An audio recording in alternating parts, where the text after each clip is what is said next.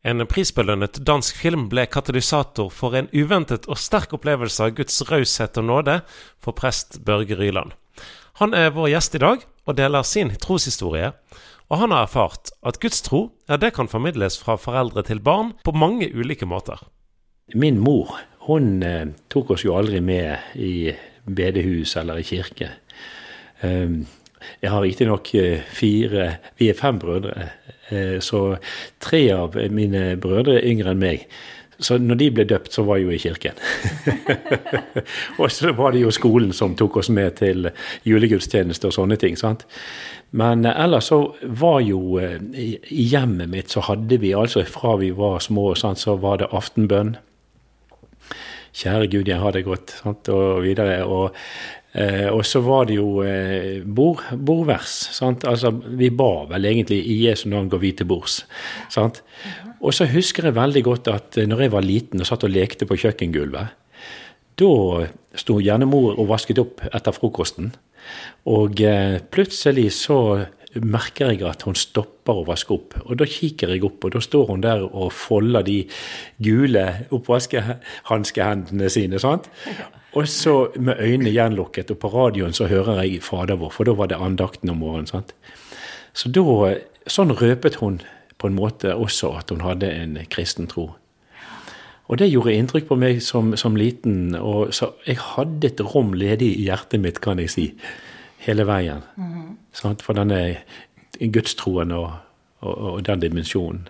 Ja. Så det kom sånne drypp for deg, da, gjennom din ja. mors Ja. Men så ja. hadde du besteforeldre òg som ja, var troende? Jeg var jo så heldig å ha en mormor som bodde i huset med oss. Og hun var en fantastisk snill og god eh, dame. sant? Og hennes eh, godhet, sant? Den, den koblet jeg veldig til den kristne troen. Hun kunne gjerne sitte seg ned i en stol sant? og og eh, ta frem salmeboken. Og så kunne hun lese salmene og bruke det som en andaktsbok. Og så var hun min gode støtte når vi skulle lære utenat salmevers fra skolen. Sant? Det var jo masse, masse pugging da, i de årene der på skolen i kristendomsfaget. Så, så dermed så ble både mor og mormor, og for så vidt også farmor, eh, etter hvert er viktige sånne vitnesbyrd. Så disse damene, altså, ja. ja. Men du skulle òg ha en onkel som skulle komme til å Eller hadde en onkel som skulle komme til å bety en del for deg? Ja, det er helt riktig.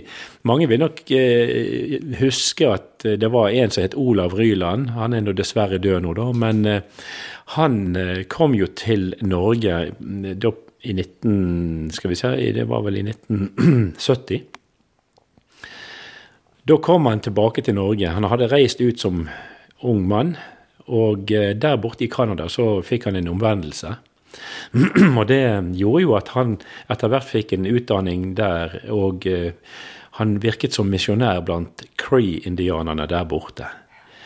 Og det å vite at en hadde en onkel i Amerika, vet du, det var jo fantastisk. det vet du, sant? Så han var én gang hjemme i min oppveksttid, og så kom han da med familien sin eh, i 70. Og det var jo eh, overveldende å plutselig ha eh, en onkel og tante og seks søskenbarn som vi ikke hadde hatt noe sånn veldig kontakt med, og ha de til stede. Så, og da jo han, ble jo han en sånn omreisende forkynner, en emissær. Og han var vel ikke knyttet egentlig til eh, en spesiell menighet den første tiden. Han var litt frilans. Eh, men han tok altså meg med på en uh, tur da jeg var konfirmert i 71. Da dro vi opp til Sogn. Og eh, så sier han i dag mens vi var hos en annen onkel av meg der, eh, skulle ikke vi ta oss en tur til Balestrand, sier han. Eh, på teltmøte. Og jeg visste verken noe om Balestrand eller teltmøte, vet du, så jo jo, men det var klart jeg var med på det. Så da kjørte vi, og der var vi på plass i teltet, og det var trekkspillende musikanter på podiet, og der var eh, predikanten, han het Arild Edvardsen, og jeg hadde jo aldri hørt om han. Men, eh, og jeg vet ikke hvor kjent han var i Norge på den tiden, men eh, han var iallfall i Balestrand, og det var stort sett eldre som gikk på møte der, og så var det et par ungdommer. Og jeg husker han kom ned i benkeraden, og så går han fra den ene til den andre, og så kommer han jo til meg. Tror du på Jesus, sier han. Og jeg eh, hadde jo aldri fått et sånt spørsmål. Og for meg var det jo, liksom, som jeg sa, jeg hadde et rom i hjertet for, eh, for tro, tro, og Guds dimensjon. Sant? Så, så da, da, svarte jeg nokså spontant ja. Og når jeg hørte meg sjøl si ja, vet du, så, så, så, var det sånn eh, Det var noe som stemte. Sant? Det ble en sånn veldig glede, gledesopplevelse at nå fikk jeg si det som jeg bodde i hjertet mitt, på en måte. På spørsmål om valg av yrke forteller Børge videre. Ja, jeg var jo veldig i stuss på hva jeg skulle begynne med, for jeg var, jeg var, vel ikke så fryktelig glad i skolen egentlig. Så jeg så for meg mer en sånn fag, altså sånn håndverkerutdanning, sant, et eller annet. Og Min far drev jo med lastebiler, og, så dette med biler og, og, sånne ting, det var jo liksom det som var litt viktig. Men så, etter å ha vært kristen en del år, og sånn, og jeg hadde tatt kristendom grunnfag, fant ut at det var jo fornuftig uansett hva jeg skulle, så eh, kom jo tanken at eh, kanskje jeg kunne bli sykepleier. Så jeg begynte på Haraldsplass i 79 på eh, høstkullet da, og eh, gikk, gikk i sykepleien ett år. På våren døde min far, og det ble litt sånn eksistensielt. sant? Altså, Da stilte jeg meg spørsmålet på ny. Kanskje det var prest jeg skulle bli. Mm. Og Så, så da, da, brøt jeg av sykepleierutdanningen. Eh, og så begynte jeg på teologien. Altså Du hadde jo riktignok grunnfag fra før. og Så var litt i Oslo, litt i Bergen, og etter hvert så ble det mer i Oslo. Ja. Så ble det prest. Så ble det prest, og det har det vært i mange år nå. Hvordan er det å være prest? Jeg tenker jo at en viktig, en viktig, side ved det å være prest er jo å på en måte være gjenkjennelig som menneske. Sant? At du, du, du, står på en måte midt i livet som, som, andre, men opplever ikke nødvendigvis det samme som andre. Sant? Men at en, at en er ydmyk i forhold til eh, alle de situasjonene en møter. Sant? Og kan møte mennesker eh, så, så ekte og ærlig som, som mulig. Så det har jo gitt meg en, veldig mange gode stunder. Sant? Og, og, det har vært veldig meningsfylt å kunne gå inn også i de tyngste tingene. Eh, Fordi at de trenger noen der. Og da får du gjerne være en av de som de trenger. Og, og så, så, er det jo klart det ikke det kjekkeste du gjør, sant? å skulle gå inn i sånne tøffe situasjoner. Men, men dette er jo den ene siden av presteyrket, som mange forbinder jo. sant? Presteyrket gjerne med sorg og død og disse tingene, krise. Men så er det jo utrolig mange fantastiske, flotte opplevelser sant, med både barnearbeid og ungdomsarbeid, konfirmanter. og sant, Så har du både dåp og, og, og, vigsel og alt det som er Du har hele register og du har alle slags gudstjenester. Sant, fra de jublende, flotte gudstjenestene til de som er mer preget av av ja, bot og faste og, og sånne ting, sant? som gjerne mange forbinder med kanskje litt sånn tungt og slitsomt og strevsomt. Men, men eh, det er stor bredde. Sant? Ja. Så det, det, har jo Det spiller på mange strenger. Du må vel hente deg inn igjen sjøl, og du gir og gir og gir. Mm. Og da forstår jeg det at uh, Modum har vært godt for mange av ja. dere prester å reise til, og ja. som en slags retreat hente dere inn igjen? Det stemmer. Er, og det, det, det, er jo på en måte ikke, ikke pålagt en sånn retreat, men, men, tilbudet er der. Så bispedømmet, Bjørgvin bispedømme har jo kjøpt plasser på på Modum, på, altså på doktor Einar Lundbys stiftelse. Det er et litt sånn tungt navn, men eh, populært kalt Sjelesorgsenteret. Og det ligger jo, det er jo knyttet på en måte mot eh, sykehuset på Modum òg, som jo er et sykehus som på en måte tilbyr både familieterapi, for par som sliter f.eks. Og, og opplever tøffe ting. Eh, og så er det folk som har psykiske lidelser som kommer inn på sykehuset. Men det er liksom den ene delen. Og så har du doktor Einar Lundbys stiftelse, som er eh, litt atskilt i egne bygninger. og, og, på området ligger det jo en fantastisk flott kirke, St. Olavskirken, eller Olavskirken heter det. Eh, som, som, vi da har samlinger i. Både fra sykehuset kommer det folk der, og fra Sjelesorgsenteret. Og det, det, som er så fint med dette tilbudet der, det er jo at du, du kan på en måte legge litt bak deg travelheten hjemme. Sant? Oppgavene hjemme. Så når du kommer der, så blir du tatt veldig godt imot. Eh, du får et eget rom. Du kan, du kan eh, egentlig legge opp løpet sjøl og bare være i stillhet, men de har tilbud om samtale hvis du syns det var nyttig. Der er daglige så vi sier sånn tidebønner. ikke sant? Du kan starte på morgenen og på middagen og på kvelden. Og det er kapell som du kan være i for deg sjøl om du ønsker det. sant? Og turer du kan gå. Og eh, så er det òg tilbud om undervisning. Altså de har noen undervisningsøkter da, et par dager. Så, så summa summarum, vet du, hvis en tar imot alt dette her, vet du, så, så er det påfyll og, og, og fint å, komme tilbake igjen og kjenne at du har fått en eh, Ja, blitt styrket og fått hvilt og Ja. Så det Jeg refererte jo litt til, et sånt opphold eh, når, når, jeg da hadde talen på NRK på gudstjenesten på langfredag. Mm. Det var en veldig sterk historie. Det gjorde veldig inntrykk på meg, det du fortalte. Ja. ja jeg må jo bare si at det, det, gjorde veldig sterkt inntrykk på meg. Ikke preken eh, først og fremst, men opplevelsen som jeg forteller om i preken. Altså, det, var, det, var nok, eh, det var på en måte et slags vitnesbyrdskarakter på den preken. Fordi at det var noe som, som hadde nådd inn i dyp av, av mitt hjerte. Og, og, og, litt til det du sa om hvordan henter en seg inn igjen når en opplever mange tøffe ting som prest. Så, så, så, tenker jeg jo at i denne preken så følte jeg at, på, at eh, det var veldig godt å, å få det perspektivet. Eh, at, at, Jesus på en måte han, Når vi er nede, så er han alltid dypere ned. Han steg ned i det aller, aller, aller dypeste og kan fange oss opp eh, hvor dypt enn vi er. Og for det ble veldig sterk opplevelse at, eh, at eh, vi ikke er uten hans støtte og hjelp. uansett hvordan livet måtte, måtte, bli. Og da kan en jo Registeret er stort. Og vi, vi, merker det jo ikke minst i, i disse dager. sant? Vi kan bare forestille oss hva for en nød og elendighet folk blir utsatt for. Men det er på en måte alltid sånn gleden er der, men også eh, sorgen og lidelsen. Den er også alltid der. Ja. Så det, dette, dette, å gi rom for gleden, men også å gi rom for de realitetene som, som fins i enkeltliv og i, ja, i verden rundt. Mm. Det, det, er utfordrende for troen òg, sant. Mm. Ja. Jeg eh, hørte deg første gang på NRK når du hadde gudstjeneste der, og det var, gjorde veldig inntrykk på meg. Det var veldig sterkt det du fortalte. og mm. Kan du fortelle litt om det? det? Det, som skjedde der på Mode den gangen, og det som jeg fortalte om i preken, ja, jeg kan jo det. Det, det var, jo, eh, det var jo en sånn eh, overraskende situasjon som, eh, som oppsto. Fordi at ja, en, en dag midt i dette oppholdet så så skulle vi se en film. Sant? Og jeg kjente ikke til eh, denne romanen av Karen Blixen som var blitt til film. Babettes gjestebud. Eh, men vi satte oss ned og var en gruppe der inne i stuen og satt nå og så. sant?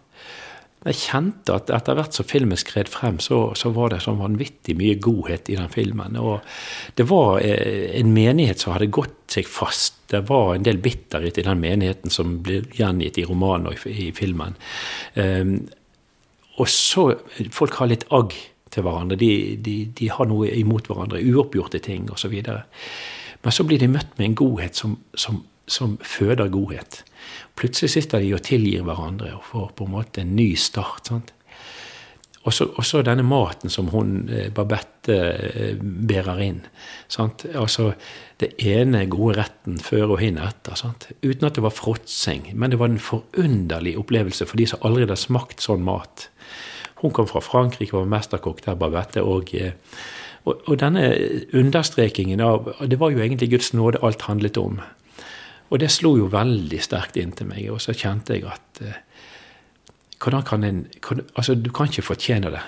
Du kan ikke betale for det.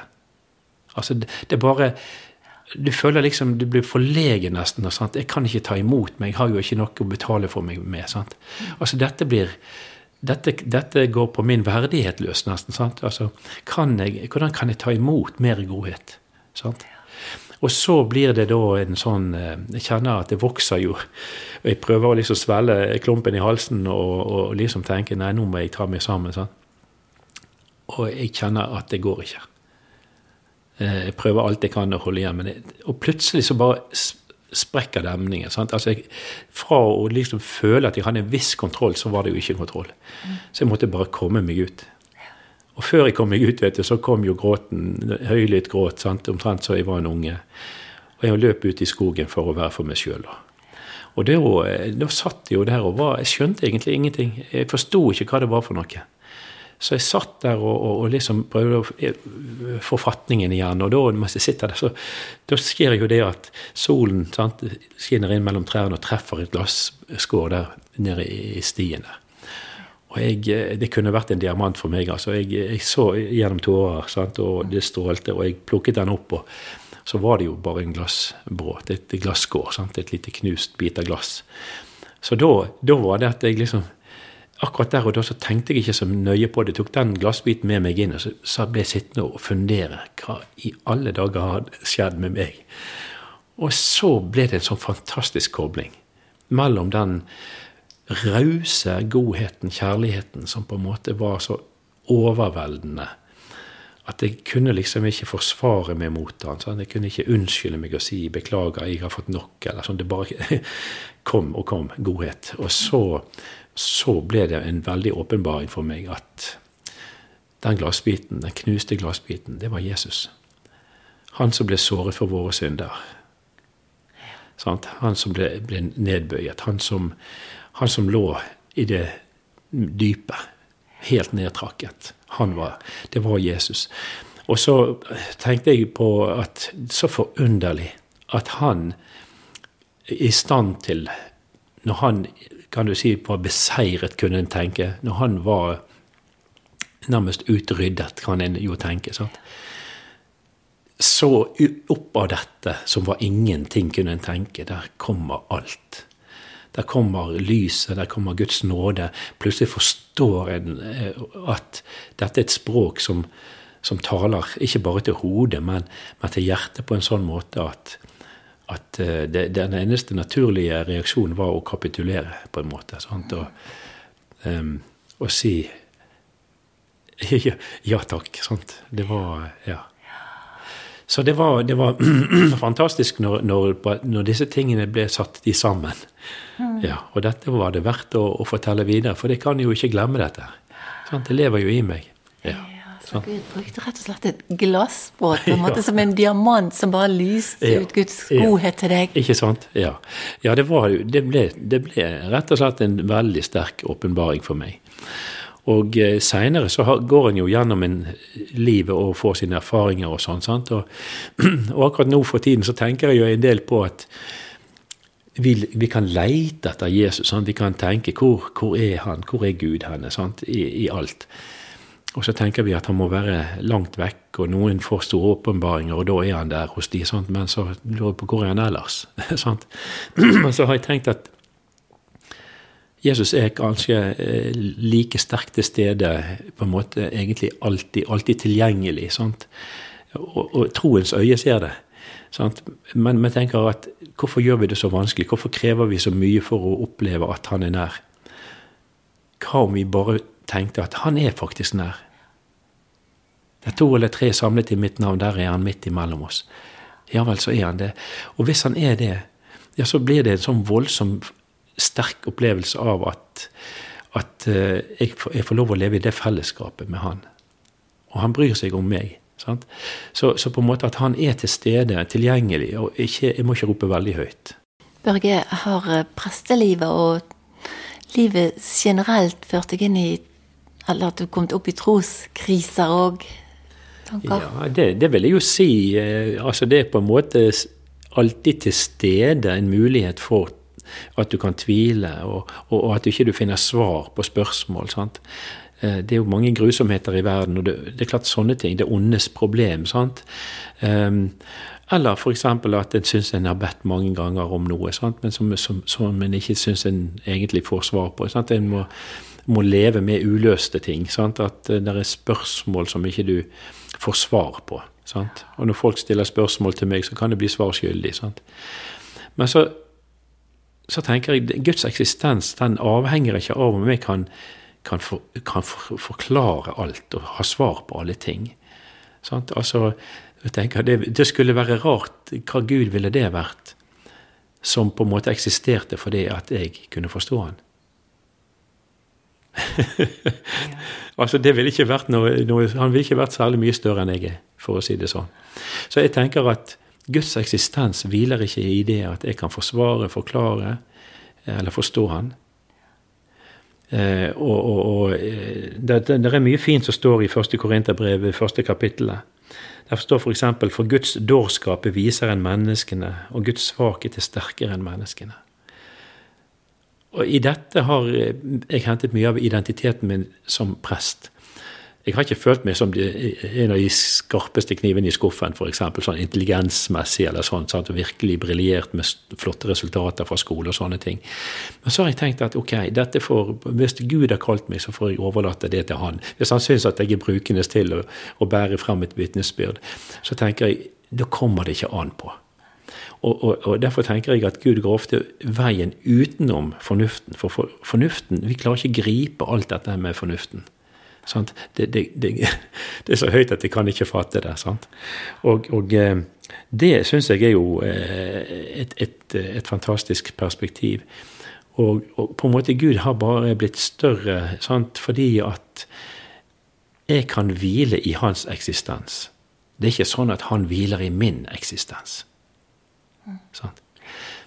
Eh, og, og det, det, handler på en måte så handler det veldig mye for meg om egentlig å hvis han får være Gud, så kan jeg være menneske. I det ligger det en ydmykhet og en erkjennelse av at eh, det er ikke jeg som skal bære alt og forstå alt og forklare alt. Nei, dette tar han ansvar for. Og så får jeg lov å, å, å stumpe av gårde som prest og som menneske og kjenne at Eh, ja, alt går ikke opp. Jeg er ikke perfekt. Eh, sant? Jeg får lov å møte mennesker, eh, og, men samtidig kjenne at jeg er knytta til hans ord, hans åpenbaring. Sånn som, sånn som, vi får gjøre det sant? I, i mange fantastiske bibelord. Sant? Men det som i verdens øyne er dårskap, det utvalgte Gud seg for å gjøre de vise til skamme. Og det som i verdens øyne er svakt, det utvalgte Gud seg for å gjøre det sterke til skamme. Ja, det som i verdens øyne står lavt, det som blir foraktet, det som ikke er noe, det utvalgte Gud for å gjøre det, det som gjør til intet det som er noe. Sant? For at intet menneske skal ha noe å være stolt av overfor Gud. Dere er Hans verk i Kristus Jesus. Han som er blitt vår visdom fra Gud, vår rettferdighet, vår helliggjørelse og forløsning. For at den som er stolt, skal være stolt av Herren, slik det står skrevet. Det er ord som eh, rommer veldig mye av livserfaringene mine òg, syns jeg, i dette her. Eh, og troserfaringene. Sant? Og der fundamentet på en måte ikke blir min prektighet i den grad den er til stede. Sant? Eh, eller i den grad den ikke er til stede. Du har hørt en podkast fra Petro. Du finner masse mer i vårt podkastarkiv på petro.no.